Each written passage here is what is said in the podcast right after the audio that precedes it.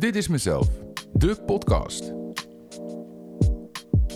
Een podcast waarin ik, Sjoerd, praat, adviseer en inspireer over de leuke en uitdagende kanten van onderwijs, opvoeding en ouderschap.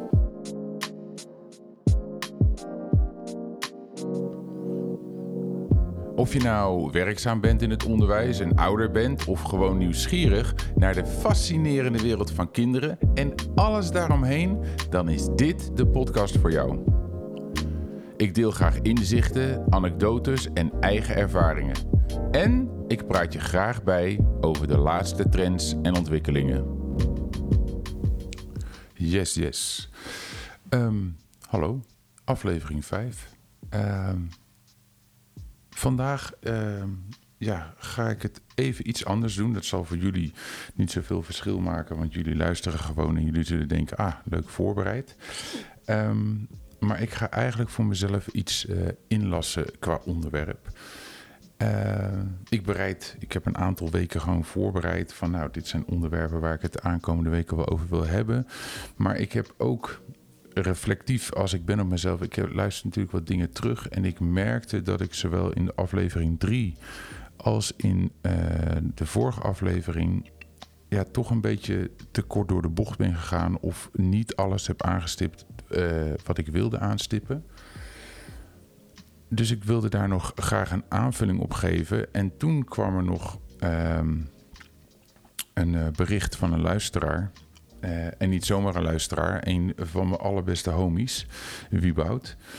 Uh, die had ook nog, nou ja, hij zei een vraag, maar uiteindelijk uh, ja, kan ik het denk ik wel uitsplitsen in drie vragen. dus die, ik wil dat eigenlijk als leidraad nemen om zo ook eventjes alles wat ik dacht gemist te hebben in de vorige twee afleveringen aan te kunnen stippen. Um, dus ja, ik, ik denk waar ik, waar ik de eerste aflevering 3 en 4 misschien iets te veel op het jonge kind heb gefocust, uh, zal denk ik vandaag de nadruk iets meer liggen op, uh, nou ja, pubers, wat zal ik zeggen, 11 tot 21. Even ruim genomen. Um, laten we eerst even luisteren naar um, Wieboud en zijn bericht. En um, nou ja, dan zal je vanzelf horen dat het uh, wat meerdere vragen zijn. En ik denk dat het goed is dat ik ze gewoon stuk voor stuk even ga bespreken.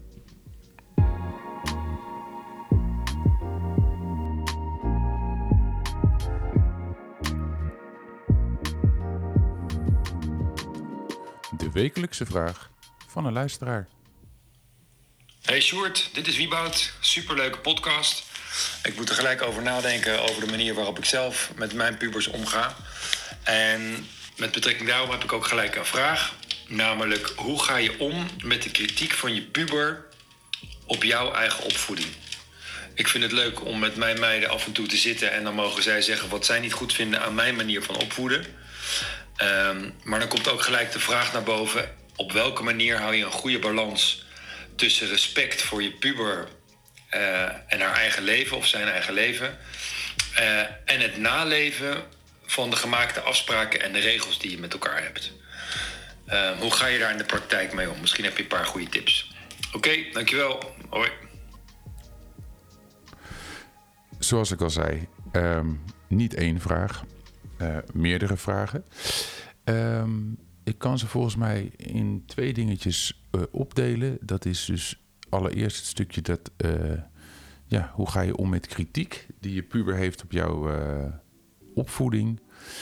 En uh, de tweede vraag was eigenlijk van waar zit dan de balans tussen het respect voor dat eigen leven van je puber en, en toch ook dat je binnen een huishouden natuurlijk wat gemaakte afspraken hebt en, en regels. Trouwens wel heel even grappig voordat ik op deze vraag inga. Um, Wieboud en ik maken muziek, veel muziek. En Wieboud is altijd de eerste die tegen me zegt als ik ergens niet uitkom van joh, read the beep manual. Um, ik zou dit nu ook tegen Wieboud willen zeggen, maar um, ja, er is nou eenmaal geen manual voor uh, uh, kids. Maar ik hoop met deze, deze podcast Wieboud een beetje te kunnen helpen, maar ook jij al die andere luisteraars die uh, misschien ook wel op dit moment te dealen hebben met pubers. Terug naar de eerste vraag. Um, kritiek van je puber op de opvoeding. Nou ja, goed. Pubers staan natuurlijk bekend om, voor ons als ouders, dat er kritiek is op alles. Hè. Er komt een periode waar uh, je kind heel lang tegen je op heeft gekeken en dan in één keer is dat er niet meer. Uh, laat ik allereerst zeggen dat ik het hartstikke goed vind om te horen um, dat er af en toe wordt ingecheckt, dat er, dat er gesprekken worden gevoerd, dat er een open gesprek is over elkaars gedrag en, en het waarom daarvan. Uh, dat het confronterend kan zijn voor jou als ouder, um, dat, is, dat is waar, dat kan. Maar ik hou altijd van gesprek, de dialoog. En, en zolang dat uh, er op een bepaald moment is, op een, uh, met je puber, dan uh, denk ik dat je op de goede weg bent. dus, dus laat ik dat vooropstellen voor iedereen die luistert. Probeer in gesprek te blijven. En zo'n gesprek, um, ja, dat is een heel, heel, kan heel delicaat zijn. Um, je moet allereerst natuurlijk zorgen dat er een soort van veiligheid ontstaat. Um, en veiligheid ja, creëer je, denk ik, althans, het is mijn ervaring, door in zo'n gesprek wel te zitten en in ieder geval het gevoel te geven dat je daar als gelijke zit.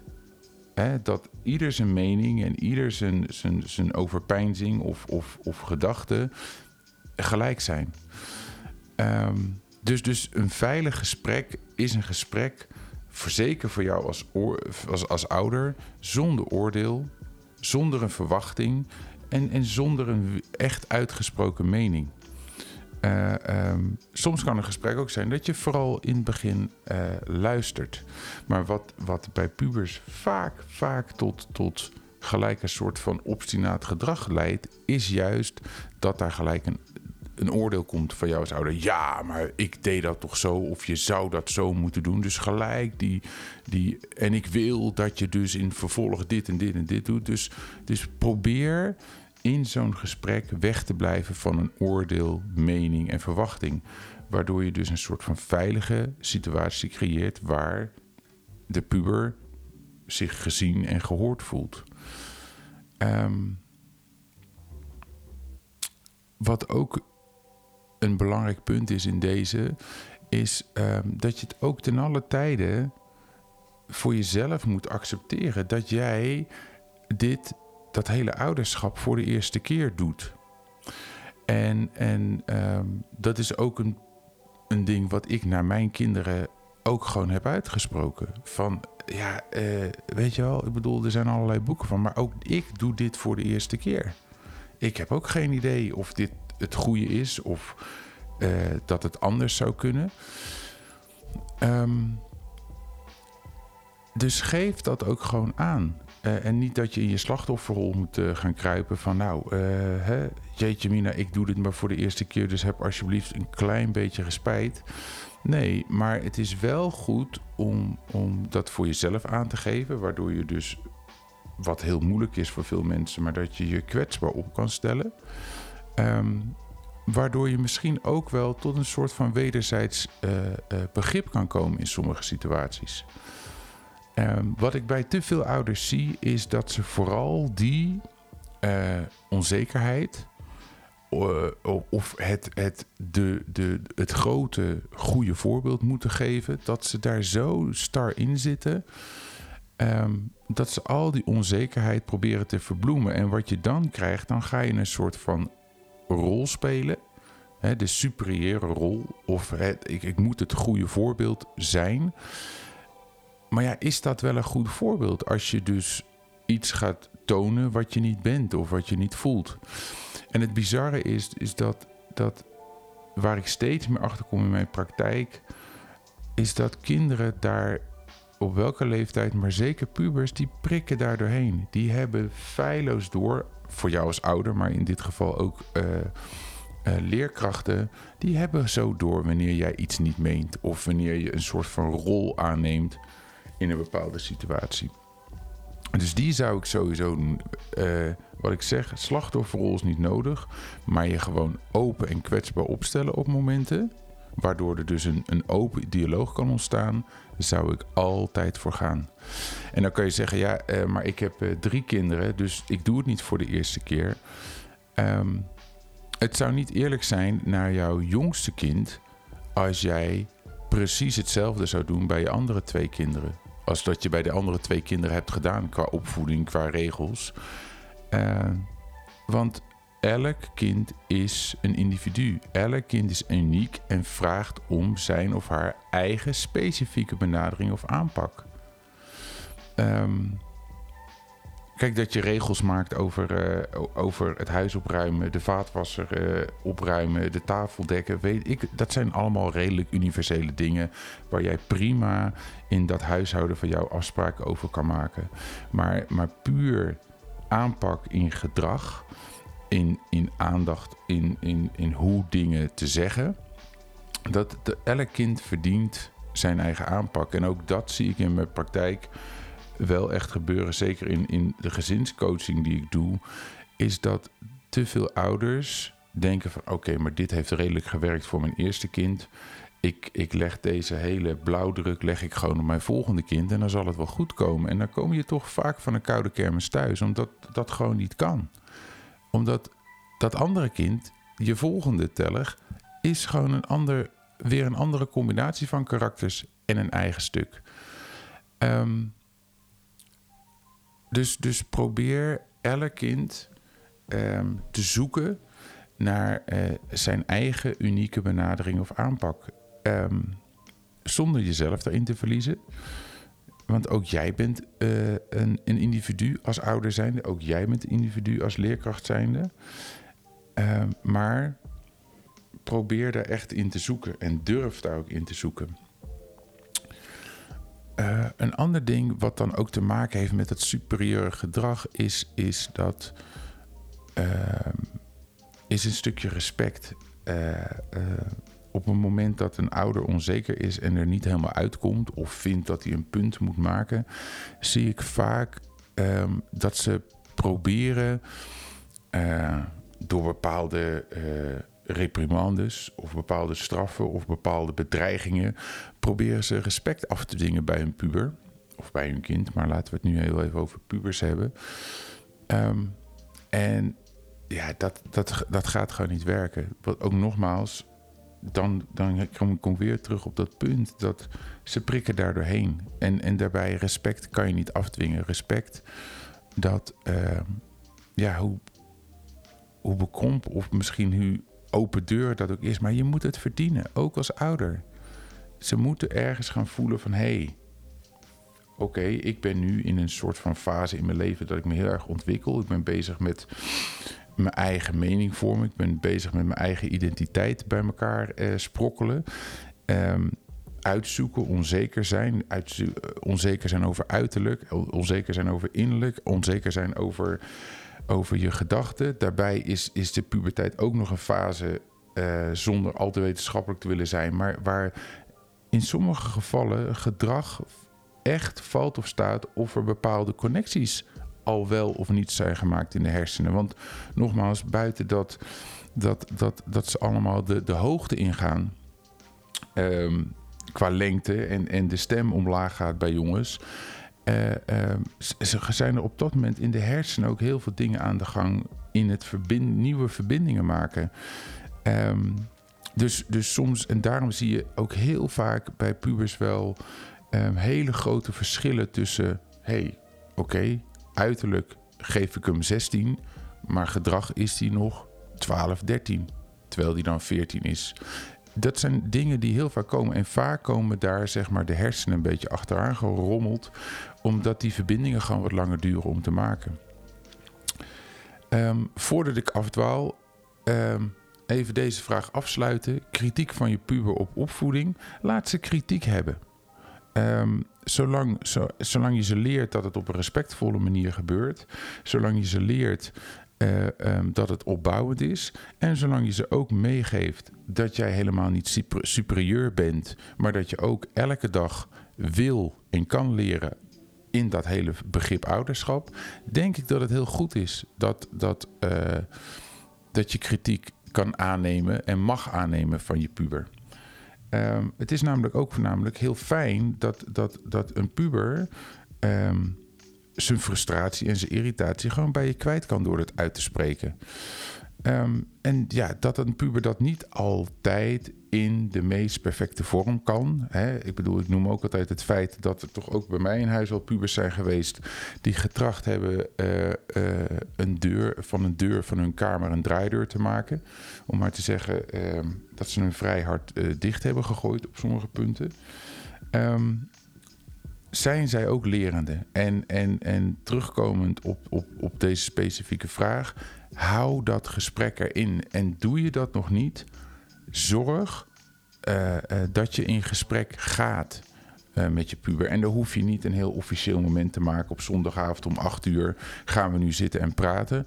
Maar probeer dat een beetje aan te voelen. probeer aan te voelen wanneer die puber een beetje beneden komt door de huiskamer loopt te schooien, door de koelkasten gaat. Dat je denkt, hé hey man, ben je oké? Moeten we even een beetje een babbeltje maken? En soms ontstaat dat, en dat zou de beste manier zijn, dat het organisch ontstaat. Dat je in één keer denkt, zo, nou, ik heb tien minuten even met mijn puber gesproken... die ik eigenlijk al de hele dag niet van zijn kamer had gezien. En oordeel niet, gewoon niet je mening te veel, te vroeg, te heftig, te grabbel... en probeer weg te blijven van verwachtingen dan ontstaat daar een open gesprek. Vraag 2. Um, waar zit dan de balans tussen dat jij als ouder respect hebt um, voor het leven van je, voor het eigen leven van je puber? Hè? Dat leven wat zich, zich helemaal aan het ontvouwen is. Hè, waar, waar te maken heeft met waar wil ik bij horen, waar wil ik niet bij horen, welke kleding hoort erbij, welke gedachtegoed hoort erbij, hoe denk ik over dingen, uh, moet ik er ook om erbij te horen, moet ik toch uh, gaan vepen, moet ik... Er zijn zoveel dingen waar een puber dagelijks uh, mee te maken heeft. Dus dat is de ene kant, hè, die hele ontwikkeling. En, en ja, ze zitten ook bij jou in huis in een soort van, van, van constructie. En dat kan een gezinsconstructie zijn. Uh, en ook daar heb je natuurlijk een aantal afspraken en regels. Um, ik denk om te beginnen bij dat, bij dat eigen leven van jouw puber, um, is om daar respect voor te hebben, om dat woord te gebruiken, denk ik dat, dat het heel belangrijk is. Um, door je puber onvoorwaardelijk vertrouwen te geven. Um, en dat is een moeilijk ding, denk ik. Althans, ik merk dat er bij veel ouders daar de moeilijkheid zit. Um, omdat, omdat daar dat hele punt van loslaten weer bij komt kijken. Dat je vertrouwen geeft aan ze dat het goed komt. Dat je vertrouwen geeft aan de, in de keuzes die ze maken. Dat je vertrouwen geeft aan de dingen die ze willen ondernemen. Dat je begrip toont en open staat voor hun gedachten en keuzes. Um, terwijl jij misschien vanuit jouw eigen ervaringen een andere ervaring hebt dat je denkt, nou, dit is gedoemd te mislukken. Wat ga je dat doen? Nee hoor, dat gaat fout. Um, dat is die angst. Dat je denkt van ja, maar ik moet ze beschermen. Ik moet ze behoeden voor een fout. Ik moet ze behoeden voor. Um, probeer dat stuk. En dat, dat, dan komt er toch een stukje terug van mijn vorige podcast. Probeer dat te parkeren bij jezelf. Hoe moeilijk dat misschien ook voelt. Omdat je misschien hè, uh, uh, uh, vanuit je ouderlijk gevoel denkt van ik moet dat beschermen. Nee, ik geloof echt dat. dat um, dingen verbieden uh, of dingen stopzetten, omdat je denkt, jij ervan overtuigd als ouder dat het, dat het niet goed gaat komen. Ik geloof echt dat, dat dat niet werkt in de relatie tussen ouders en pubers. Ik geloof heel erg in dat durven loslaten met, met, een, met een onvoorwaardelijk vertrouwen. Um, het is namelijk meer jouw onzekerheid die je, die je projecteert op je puber, dan dat de puber bang is om iets te doen. Um, een heel kort voorbeeld. Wij waren um, afgelopen weekend waren we in Parijs. Uh, nou ja, goed. En wij wilden gewoon lekker een beetje door de stad. En nou ja, goed, er was een groot event. mijn jongste zoon, die kende daar ook veel mensen die er ook waren. Nou ja, en dan komt het punt alleen met de metro in Parijs nou ja, ik geloof echt dat er veel ouders zullen zeggen: ja, 16 jaar alleen met de metro.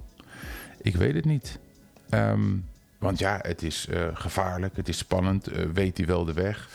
Nou, hij is gewoon gegaan. Um, en natuurlijk hebben we, zijn er afspraken gemaakt en hebben we afspraken gemaakt over. Nou ja, wat, wat te doen op het moment dat hij het niet meer zou weten. Nou ja, ik bedoel, er is zoveel uh, technologie die die beide kan hebben. We hebben samen Google Maps uitgezocht. Uh, hij kan locatie sturen waar die is. Dus op het moment dat er wat is, ben je in principe ook, ook binnen nou ja, 20 minuten, half uurtje bij iemand.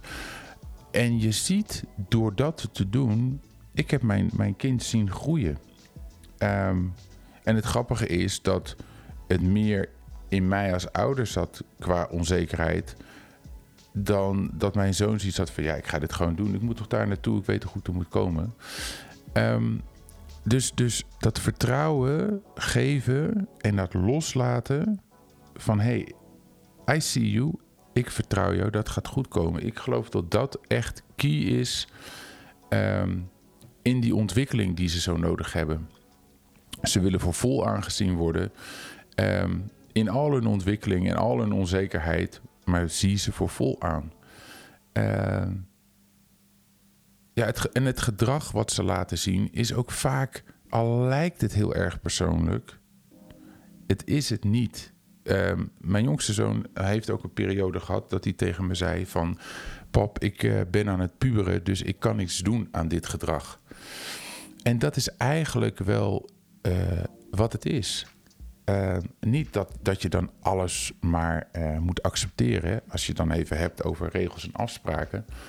Um, maar ze hebben ook recht op die ruimte uh, um, om die ontwikkeling door te maken.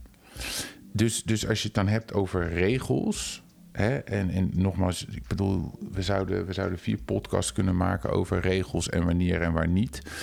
Um, maar, maar maak die regels ook een beetje fluide. fluide. Sorry, ik, ik heb vandaag op de International School gewerkt, dus ik, ik, zit nog een beetje tussen mijn Engels en mijn Nederlands in. Maar maak ze vloeibaar. Uh, uh, um, in de zin van zit er wat rek in, maar ga ook af en toe zitten. Check geregeld in met je pubers van hey. Um, nou ja, ik vind dat jullie je iets beter aan deze afspraak kunnen houden. Maar ook dat zij de ruimte hebben van pap, kunnen we het over die afspraak hebben? Want uh, zouden we dat wat anders kunnen doen? Het is heel fijn, en daar kom ik weer, om daar een open communicatie over te hebben. Pubers ga je niet helpen door de dingen te vast te zetten. En er zijn natuurlijk excessen. Ik bedoel, nogmaals, dit, je kan misschien denken, ja, Sjoerd, maar dit is de ideale wereld.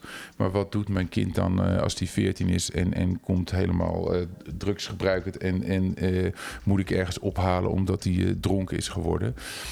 Um, dat zijn natuurlijk excessen en ja, daar, daar, daar zou je tegenop moeten treden. In zin van, ik zou er niet boos om worden, maar ik zou wel het gesprek aangaan en vooral ook laten zien wat de gevolgen zijn. Kijk, dat iemand het gedaan heeft, ja, dat ga je niet meer veranderen. Dat iemand uh, een halve fles vodka op heeft gedronken of, of drie blootjes heeft gerookt uh, omdat het stoer zou zijn. Dat kan je niet meer veranderen. Wat je wel kan veranderen is in gesprek gaan over wat de gevolgen zouden kunnen zijn van die, van die actie, van die keus. Dus veroordeel niet de actie, maar ga in gesprek over wat het gevolg zou kunnen zijn. En laten ze daar zelf over nadenken. Kijk, ik, ik geloof niet in, in dingen aan zich zo verbieden. Kijk, en dat heeft dus tot het uh, gevolg dat uh, je kind een keer met zulke kijkers thuiskomt omdat hij uh, wat van de MDMA heeft gesnoept. Of een keer zo thuiskomt dat je denkt van waarom moet ik gaan filosoferen naar vier blootjes. Of een keer dat je hem een keer naar school moet sturen om half negen ochtends terwijl die nog half dronken is dat zijn, daar leren ze van dat er, dat er dus een consequentie aan hun eigen actie zit. Maar niet dat je die actie veroordeelt. Ehm, ja, ik denk als ik nu even naar de tijd kijk, want ik, het gaat alweer snel. Ik zit alweer op 25 minuten. Um, ik hoop dat ik, dat ik jou als ouder of in, in mindere mate als de leerkracht, maar dat ik je wat, wat, wat tips heb kunnen geven of wat inzicht heb kunnen geven hoe je um, met pubers om zou kunnen gaan. En nogmaals, ik, ik bedoel, ik heb hier wel een dikke disclaimer. Ik bedoel, er zijn geen garanties. Het is de manier waarop, hoe ik denk dat het een goede manier is om met kinderen in de puberteit om te gaan. Um, dus voor de zekerheid koop ook een aantal rollen behang. Want ook die kan gewoon. Dat je gewoon af en toe even achter het behang wil plakken. En dat is ook oké. want dat mag ook af en toe. En daarna is het gewoon weer... Geef ze een knuffel. Geef ze de ruimte. Ehm, en pak ze vast wanneer daar een, uh, een mogelijkheid voor is. Want dat is zo over. Vergeet niet, Mocht je vragen hebben, ik hoor heel graag jullie reacties op deze podcast. Uh, dat kan gewoon op mijn Instagram. Ik underscore ben underscore mezelf. Dus laat hem ergens achter onder een post. Stuur me een DM. E-mailen kan ook naar podcast.mezelf.nl. Ehm, tot volgende week. Maak plezier en uh, we spreken elkaar snel.